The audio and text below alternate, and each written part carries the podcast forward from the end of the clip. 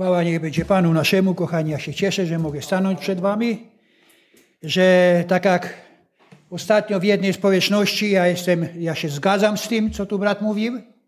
Mamy głosić Ewangelię, ale kiedy dane mi było być tydzień temu naprawdę w misyjnej społeczności, tam zwróciłem ich uwagę też na to, aby zwiastując Boże Słowo i w tym zapędzie wielkim mieli wiele powagi i wiele szacunku do Bożego Słowa, aby nie ponieśli sami uszczerbku i szkody na swojej duszy. Kochani, dzisiaj wielu wyszło ludzi na ulicę, którzy coś głoszą. Zwracajmy na to uwagę. Ja miałem okazję rozmawiać w tamtym tygodniu z pewną siostrą i jeżeli Bóg pozwoli, to za niedługi czas oni będą, to małżeństwo będzie u nas tu w społeczności, pastor i, i część zboru zna ich, ale kiedy wskazali mi nazwisko człowieka, który chce się opiekować ich społecznością tam, powiedziałem zdecydowanie, siostro, zabraniam ci w imieniu Jezusa. I wiem, że z naszej społeczności, tym nazwiskiem, tego nazwiska mi nie wolno jest w tej chwili powiedzieć, ponieważ nie uzgadniałem tego z braćmi, jest zachłysnięta tym człowiekiem, który głosi Ewangelię. Dlatego, kochani, prośmy Boga, aby dawał nam objawienie, Duch Święty, aby dawał nam objawienie, abyśmy uszczerbku nie ponieśli na naszej duszy. Gdyż jest to trudny i ciężki czas teraz, i wielu ludzi sięga po Boże Słowo, ale tak jak jest napisane, głoszą je dla własnej zguby, bo nie mają poznania. Bardzo głośne nazwisko jest tu w Gliwicach, który bardzo często i można spotkać go na ulicach, jak z Pismem Świętym manifestuje, że czyta Boże Słowo i głosi, i głosi Słowo. A odciąga innych od Bożej społeczności. Słowo Boże głosi gdzieś na polach, gdzieś w lasach i w miastach i wsiach, aby zwodzić narody. Kochani, uważajmy na to. Gdyż jest to czas, który Pan Jezus przepowiedział, wielu zwodzicieli wyjdzie. Moce ciemności się wzmagają. I chwała Bogu za takich braci jak Sasza, Chwała Bogu za tych, którzy głoszą Ewangelii. Ja chcę wam powiedzieć, bracia i siostry, w tych naszych cackach, którego ja nie mam tu przy sobie teraz, jest bardzo dużo mowy na temat Bożego Słowa. Ale ja was z całego serca zachęcam, abyście słuchali Bożego Słowa w wydaniu moich braci z naszej wspólnoty, o których mogę powiedzieć, że ja nie mówię, że oni się nie pomylą. Człowiek każdy się pomyli. Ale ja wiem, że oni głoszą Boże Słowo.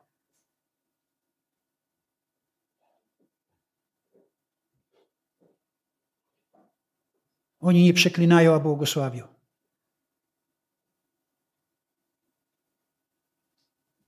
Dzisiaj głosi się Boże Słowo, a za chwilę przeklina się, bo ktoś komuś ubliżył. Jak mi ubliżał w społeczności, to odejdę. Pogniewam się.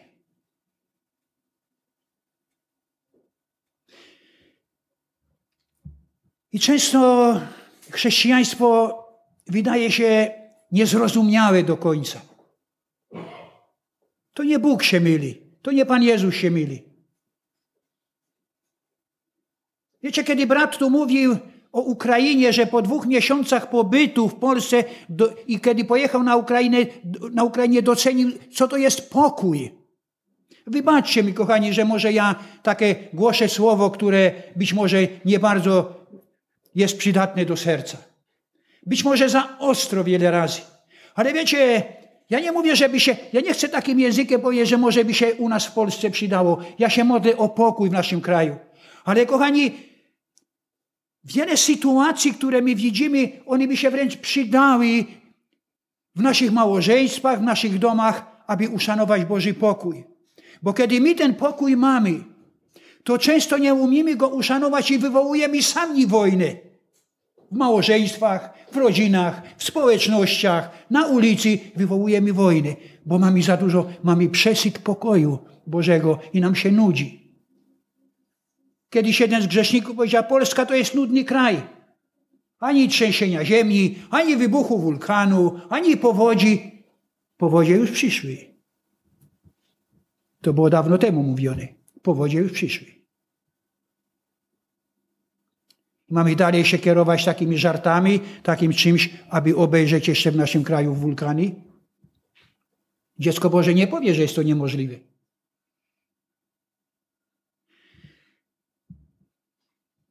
W społecznościach, kochani, często mamy ludzi,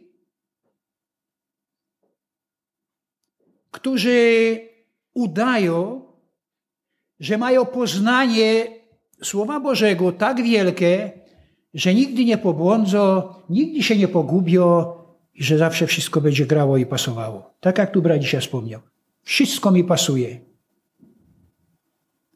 Świadomie to mówię, kochani. Gdyż później patrząc na życie wielu, którzy mieli aż tak wielkie poznanie i patrząc na ich życie dzisiaj, to można zastanowić się, cóż to było za poznanie. Jeżeli ktoś pozna Jezusa Chrystusa i odczuje Jego miłość, którą On daje, mówię to z pełną odpowiedzialnością, kochani, przed Bogiem nie odwróci się plecami od Zbawiciela. Chyba, że nie zaznał Jego miłości, bo nie chciał. I później doszedł do wniosku, że Bóg go zawiódł i odwraca się plecami. Chrześcijaństwo to cena. Chrześcijaństwo to Chrystus, Boży Syn. Nie chrzest, który jest bardzo potrzebny nam. Jak to niektórzy nazwali, jestem chrześcijaninem, bo mnie do beczki z wodą włożyli i wyjęli, jestem chrześcijaninem. Chrześcijanin to Chrystus, Boży pomazaniec, Syn Boży, który przyszedł na ziemię i poszedł na Golgotę, aby złożyć w ofierze życie swoje, bo ukochał człowieka. Kiedy czytamy księgę Estery, kochani, to w tej księdze ja bynajmniej nie wyczytałem o Esterze, o tym Bożym posłusznym narzędziu. Żadnej duchowości ja tam nie zauważyłem. Ja nie wyczytałem nic, że Estera była duchowym dzieckiem. Ale wiecie, ale wyczytałem, że Estera była Bożym narzędziem.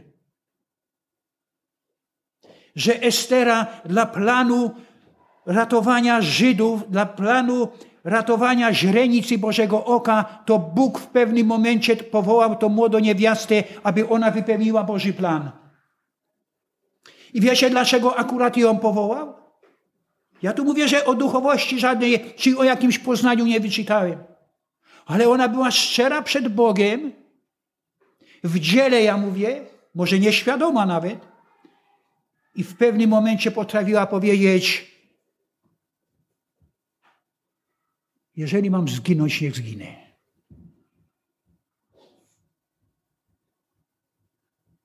Ktoś mi ubliżył, pogniewam się i odejdę. Estera w posłuszeństwie powiedziała: Jeżeli mam zginąć, niech zginę.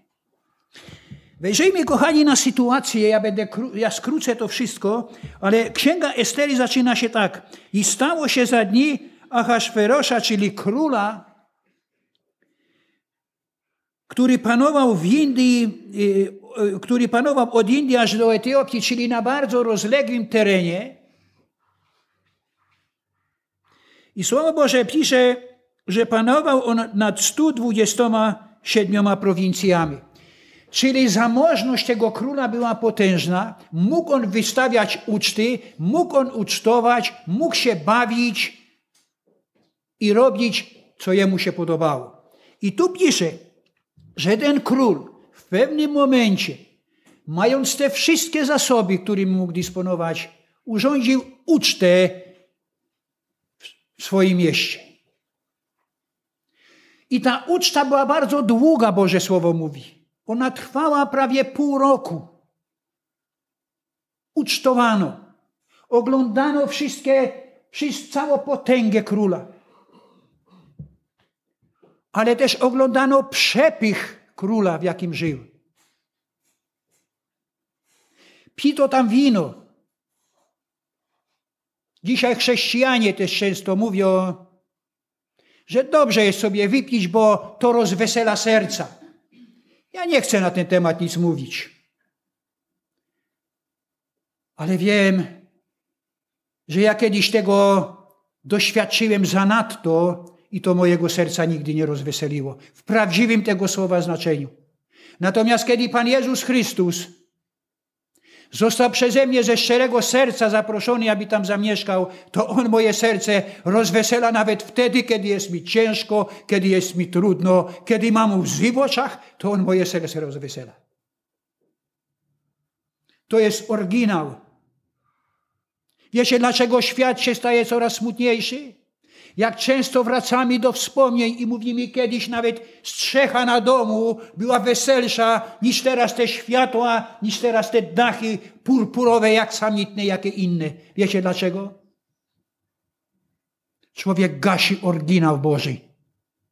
Człowiek próbuje wszystko robić, aby zagasić to, co Bóg stworzył. To, co mocą Bożego Słowa powstało.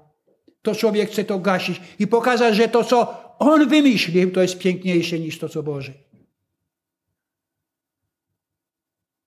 Wiecie, my mieszkamy na wsi, ci co nie wiedzą, i często nas bardzo cieszy żaba, która rechocze tam w tej rzece. To się wydaje takie normalne. Nawet może ktoś się uśmiechnąć z tego. No o czym ty mówisz? Wiecie, grzesznik wyszedł tydzień temu na podwórko i pokazał mi na drucie, y, y, na tym przewodzie elektrycznym dwa wróble. Znowu wydawałaby się śmieszna rzecz. Ale wiecie, dlaczego to wzbudziło naszą ciekawość? Bo tych ptaków jest coraz mniej. Kiedyś było ich tak dużo. Człowiek wyniszczył to. Człowiek to wyniszczył. Wystawił król ucztę. Ale w tej samej uczcie Słowo Boże mówi, kiedy sobie popił do, kiedy rozweselił te swoje serce, kiedy chciał pokazać jeszcze coś, co jest całą ozdobę tej, tej, tego wszystkiego chciał pokazać. I wezwał swoją, swoją żonę, wezwał królowo. Kazał zawołać królowo. Pisze, że królowa jego była wielkiej urody że pani, którą on wybrał, była wielkiej urody. Tak jak bracie, twoja żona. Twoja żona jest najpiękniejszą niewiastą na świecie. Czyż jest inaczej? Wybrałeś ją, bo ona ci się najbardziej podobała. Jest najpiękniejsza, bo jest twoja. Chociaż nieraz może jest przykra. Tak jak królowa Waszty dla, dla swojego pana. Była przykra. Ona była najpiękniejsza, ale w pewnym momencie nie usłuchała polecenia króla i nie wyszła do ogrodu, aby król mógł pokazać jeszcze i pochwalić się tym. Ona nie poszła. Ale dekrety króla były bardzo surowe w tamtym czasie i doradcy jego byli bardzo złymi ludźmi. I kiedy ich zapytał, co zrobić, powiedzieli: zgładź ją ze świata. Powiedzieli: zniszcz ją, zabij ją.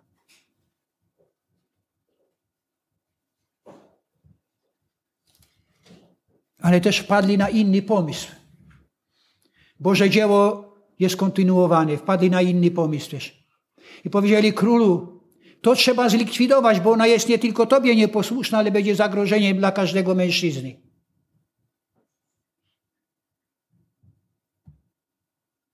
My ci znajdziemy, wypnij, daj zezwolenia, my ci znajdziemy inną kobietę, która będzie zadowoleniem dla ciebie. I w poszukiwaniu tych kobiet, kochani, znalazła się wspomniana przeze mnie Estera. O niej też jest napisane, że była uroczo, przyjemno i wdzięczną kobietą. Dziewczyną, można by powiedzieć. I wśród innych przyprowadzili, przyprowadzili na zamek Esterę, aby ją przygotować do spotkania z królem. Przygotowanie takie trwało zazwyczaj rok czasu. I tu też co niektórzy otwarli sobie drogę do jakiejś rzeczy, które się Bogu nie podobają. Kiedyś słyszałem takie kazanie. No dlaczego nasze siostry mają się nie malować, mają się nie szminkować, mają się nie, coś innego się nie robić? No przecież idziemy do zboru na spotkanie z królem, a Estera przecież rok czasu się przygotowywała i różne rzeczy tam z nią robi. Kochani, to nie ma nic wspólnego. To nie ma nic wspólnego. To człowiek, który zachęca do takich rzeczy, powinien się zastanowić, co robi i dlaczego takie rzeczy mówi. Bo Słowo Boże w Nowym Testamencie mówi, jak powinna niewiasta wyglądać, która idzie do społeczności Bożej. W ogóle jak życie, jakie powinno wyglądać. Dzisiaj, kochani, ja i widzimy takie rzeczy, że w społecznościach Bożych są różni ludzie. I wiecie, ja nie chcę na ten temat mówić, ale jeżeli w społecznościach Bożych, czy niewiasta, czy mężczyzna, jest w społeczności Bożej rok, dwa, dziesięć i dwadzieścia lat i nie umie własnymi oczami obejrzeć, jakie są prawa w danej społeczności, to coś jest nie tak to coś jest nie tak. Wczoraj byłem w społeczności, gdzie bardzo temat był zagorzały i bardzo mocny. Czy siostra ma nakrywać e, e, głowę w społeczności w czasie modlitwy proroc, czy nie ma tego robić? Doszliśmy do wniosku, że ma to robić, bo tak mówi Boże Słowo. Ale ktoś się wychylił jeszcze dalej i powiedział, że ma to czynić ze względu na mężczyznę, na swojego męża. Więc co ja mam teraz z tego miejsca powiedzieć, że panienka i wdowa ma nie nakrywać głowy? Kochani, wejrzyjmy w Boże Słowo w pełni tego słowa znaczeniu. Jeżeli nie mamy poznania, to albo nic nie mówmy, albo prośmy Boga, aby nam objawił to.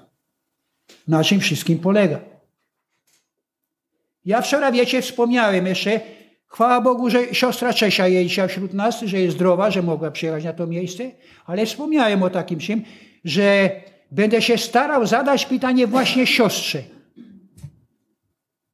Przecież brat Kazimierz już dawno odszedł do Pana, a siostra mimo to dalej pokazuje i manifestuje w społeczności Bożej uległość aniołom, inne słowo mówi, inne wydanie Bożego Słowa mówi zwiastunom, czyli aniołom Bożym.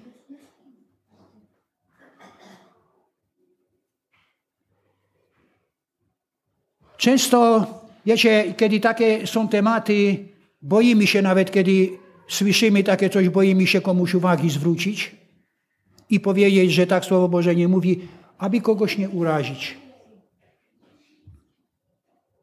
Przychwalimy wszystko, byle kogoś nie urazić.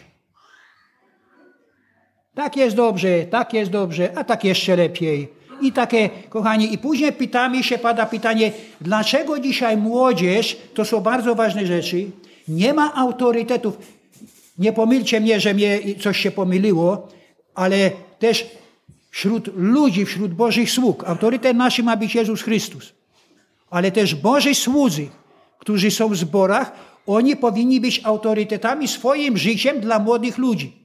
Dlaczego tak nie ma? Dlaczego młodzież teraz ucieka i mówi wręcz, że ze starymi nie chcą być? Chwała Bogu za tych młodych ludzi, którzy są z nami tu. Nie chcą być, bo starzy przestali być autorytetami dla nich. Kochani. Wszystko pasuje, wszystko dobrze. To nie jest autorytet.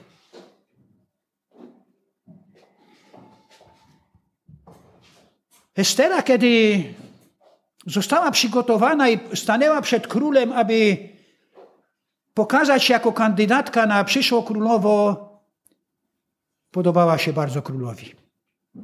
I król właśnie ją wybrał jako swoją żonę, jako królową. Król nie wiedział, jakiej jest narodowości Estera. W tym czasie na zamku Jest też jej stryj, tak? Dobrze mogę powiem? Jest jej stryj, który się nią opiekuje, gdyż jak Słowo Boże mówi, ona straciła bardzo młodo rodziców. I to właśnie stryj się nią opiekował. I Boże dzieło jest wieńczone tu tak daleko, że w tym wszystkim jest używany i ten jej stryj, i ona. Słowo Boże mówi, że stryj jest uczestnikiem tego orszaku królewskiego. I on tam właśnie któregoś dnia usłyszał, które, że y, dwaj eunuchowie planują zamach na króla. Czyli chcą go zabić. On posłał wiadomość Esterze. Estera przekazała to królowi. Ci eunuchowie zostali straceni. Król nie zginął. Ale też nie został, nie został stryj, y, czyli y, Mordocha nie został wynagrodzony. To jest też wieńczenie Bożego dzieła, bo to później było bardzo przydatne i potrzebne. On nie został wynagrodzony. To zostało pominięte. Ale kiedy król wybrał sobie za żonę Esterę, znowu chciał coś zrobić, żeby po prostu pokazać to, że on jest królem i że ma, ma ten. I po, o, bardzo był hojny dla swojego powiernika, dla Hamana, pisze. I on go wynagrodził między innymi w taki sposób, że jeżeli on szedł, to ci z orszaku królewskiego wszyscy powinni klękać na kolana, oddawać mu pokłon. Takie było prawo jego. On dostał od króla takie, że tak powinno być. I wszyscy to z orszaku czynili. Kochani, nie uczynił, tego nie czynił tylko ów wspomniany stryj Estery Żyd, Mordochaj. On nie klękał przed człowiekiem, on nie oddawał czci człowiekowi i nie podobało to się bardzo Hamanowi. Ja nie wiem, co, jakimi myślami się kierowali ci ludzie, którzy zadają dzisiaj ból ludziom na Ukrainie. Ja nie wiem, jakimi myślami się kierowali, ale tu jest opisane, jakimi myślami. I wtedy, kiedy, i później, kiedy się tylko wydało, że Haman jest, że Mordocha jest Żydem, Haman podjął straszną decyzję w swoim życiu. Wyniszczyć cały naród. Nie wyniszczyć tylko tego, który mu nie oddaje pokłonu, ale zniszczyć całą narodowość żydowską. Nie wiedział jednego, że myśl, która się zrodziła w jego sercu, jest myślą, która nakazuje mu dotknąć się źrenicy Bożego oka.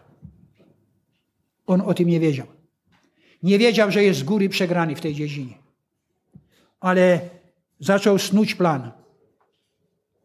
I kiedy naradził się z królem i prosił, żeby wydać taki dekret, król wydał właśnie taki dekret, aby od dziecka do najstarszego wyniszczyć w prowincjach Żydów. I kochani, jest bardzo taki bolesny werset, jeden. Ja mało cytuję wersetu, bo chcę skracać to, a chcę do, do celu, o co chodziło, o Esterę. Ale tu, kiedy to wszystko już było załatwione, aby wyniszczyć żydowski naród, to piętnasty werset y, trzeciego rozdziału pisze tak. Gońcy wyruszyli na rozkaz królewski, a dekret ogłoszono na zamku w Suzie. Król i Haman zasiedli do picia, podczas gdy miasto Suze ogarnęło przerażenie. Są tacy ludzie, kochani, i można dojść do takiego bestialstwa, do takiego zatwardziałości serca, że kiedy całe miejscowości będą drżały z bólu i ze strachu, to ktoś, kto, od kogo jest to zależne, może sobie usiąść i pić sobie i rozweselać serce swoje. To jest okropne, kochani. To jest przykre i ponure. Nie wiem, czy dzisiaj tak się nie dzieje na świecie, że w jednym miastu czy jednej miejscowości zadaje się ból i cierpienie I ci, co to robią, siedzą sobie i popijają i rozweselają sobie serce lub zabawiają się. Bóg to wszystko widzi. Bóg to wszystko wie. Ale nawet i o tych ludziach dzisiaj, kochani, żebyśmy nie zapomnieli tego. Abyśmy któregoś dnia nie pociągnęli się do przeklinania takich ludzi. Ale i dla tych ludzi Pan Jezus ma przygotowane zbawienie. Ja tu często z tego miejsca mówię, ja nie rozumiem Bożej miłości.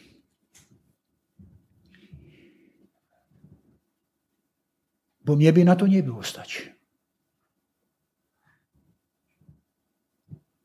Ale naszego Pana jest na to stać. Ci ludzie, którzy zadają ból ludziom, Pan Jezus ma dla nich przygotowane zbawienie. I tych ludzi, którzy zadawali Jemu ból, też nie odrzucił. Stawiał się za Bogiem, aby darował.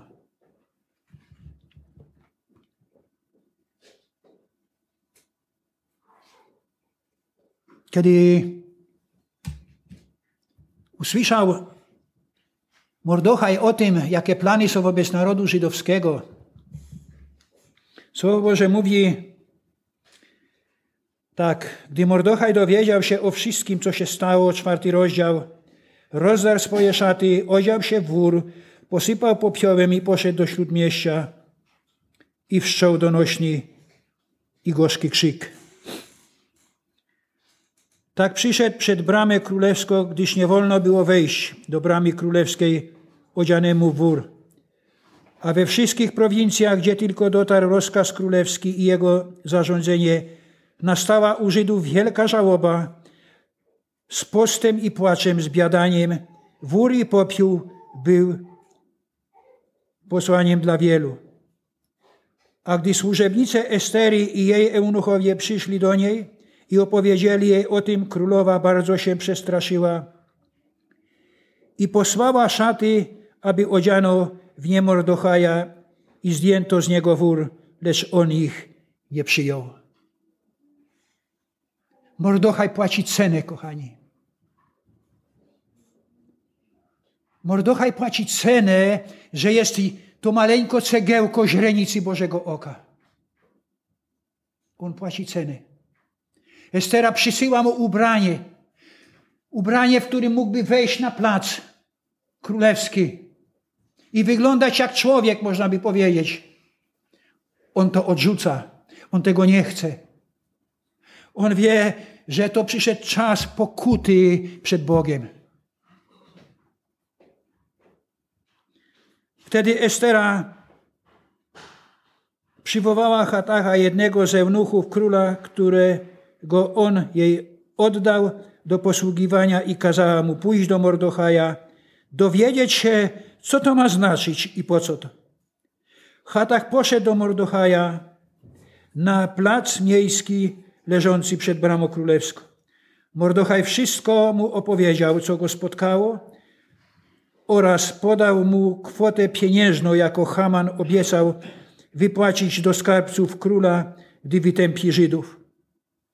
Dał mu też odpis zarządzenia prawnego wydanego w Suzie w sprawie ich wytracenia, aby pokazał go Esterze, by jej o tym donieść i polecić jej, aby poszła do króla, błagać go o zmiłowanie i aby wystawiła, aby wstawiła się u niego za swoim ludem.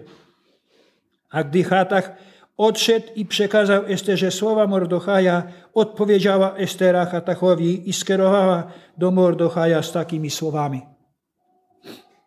Wszyscy dworzanie królewscy i ludzie z prowincji królewskich wiedzą o tym, że każdego mężczyzny czy kobiety, którzy bez wezwania wejdą do króla na dziedziniec wewnętrzny, dotyczy jednakowe prawo. Mają być zabici, jednak z wyjątkiem tego, ku któremu król wyciągnie złote berło. Ten zostanie przy życiu. Ja zaś już od 30 dni nie zostałam wezwana przez, aby przyjść do króla. Estera wyraźnie mówi swojemu stryjowi, o co w tym wszystkim chodzi. Ona mówi, stryju, przecież ty mnie wysyłasz na śmierć. Przecież wszystkim nam jest wiadomo, że kto bez wezwania króla wejdzie na dziedziniec, zostanie zabity. I ona do kogoś, do osoby, kto się nie opiekuje, może i z ludzi najbliższej dla, dla siebie, mówi takie słowa: Przecież ty mnie na śmierć posyłasz. Ale płaci cenę Mordochaj dalej, kochani. I zobaczcie, Wyście to nieraz czytali, ale zobaczcie, jakie słowa kieruje do tej kobiety, do tej młodej pani, którą się opiekował i za którą może być gotów, by życie zapłacić. Gdy on oznajmił Mordochajowi słowa Estery, przekazał Mordochaj Esterze taką odpowiedź. Nie wyobrażaj sobie, że ty jedna spośród wszystkich Żydów ocalejesz dlatego, że jesteś w Pałacu Królewskim. Trudne i ciężkie słowa. Ja nie wiem, czy Estera takie myśli dopuszczała do swojego serca, że dla niej to, że jest na placu, e, e, w Pałacu Królewskim, to jest osłoną jej życia i że jej się tam nic nie może stać. Ale jej strój doświadczony Żyd mówi, a czy ty wiesz o tym, że nie wystarczy ci ta osłona? Czy ty wiesz o tym i liczysz na to, że tylko ty ocalejesz, dlatego że jesteś tam u króla? Że kiedy wszyscy Żydzi poginą, to ty ocalejesz sama? Bo jeśli ty w takim czasie będziesz milczeć, ratunek i ocalenia dla Żydów przyjdą skąd indziej. Zobaczcie, jakich Mordochaj ma, jak jaką ma wiarę. On wierzy, że przyjdzie ratunek od Boga. Do Estery mówi, jeżeli ty będziesz się wzbraniała przed zaniesieniem ratunku dla Żydów, to ratunek Bóg z innego źródła da.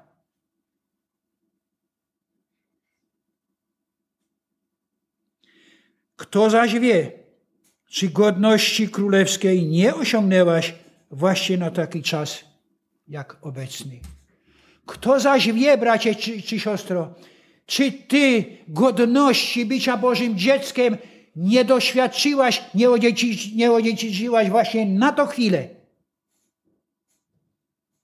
Bracie Sasza, na to chwilę, kiedy w Twoim kraju leje się krew, to Słowo Boże mówi, czy nie na taką chwilę zostałeś powołany jako Boże dziecko. Jako narzędzie Bożym ręku, abyś niósł ratunek innym. Kochani, warto się nad tym pochylić. Warto się nad tym zastanowić. Dlaczego akurat w tej chwili? Co mam zrobić w tej chwili? Jak się zachować? Kiedy moce ciemności się wzmagają z dnia na dzień.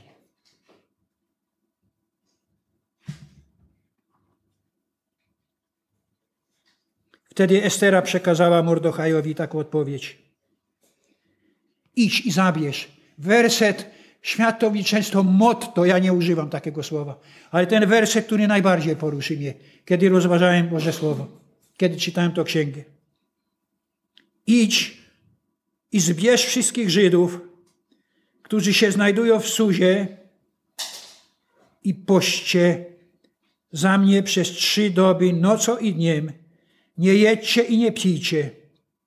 Również i ja i moje służebnice tak będziemy pościć, a potem udam się do króla. Choć to jest wbrew prawu.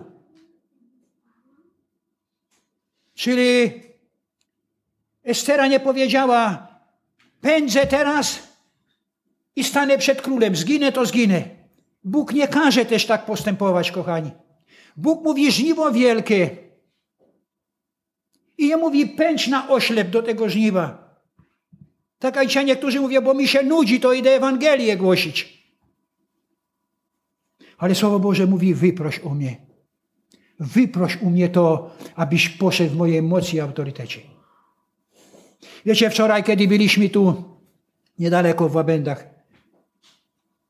na spotkaniu, które brat Emil prowadzi tam z grzesznikami, tam powstał wielki bałagan.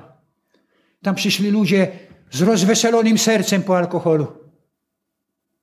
Ale wiecie, Bóg panuje nad wszystkim.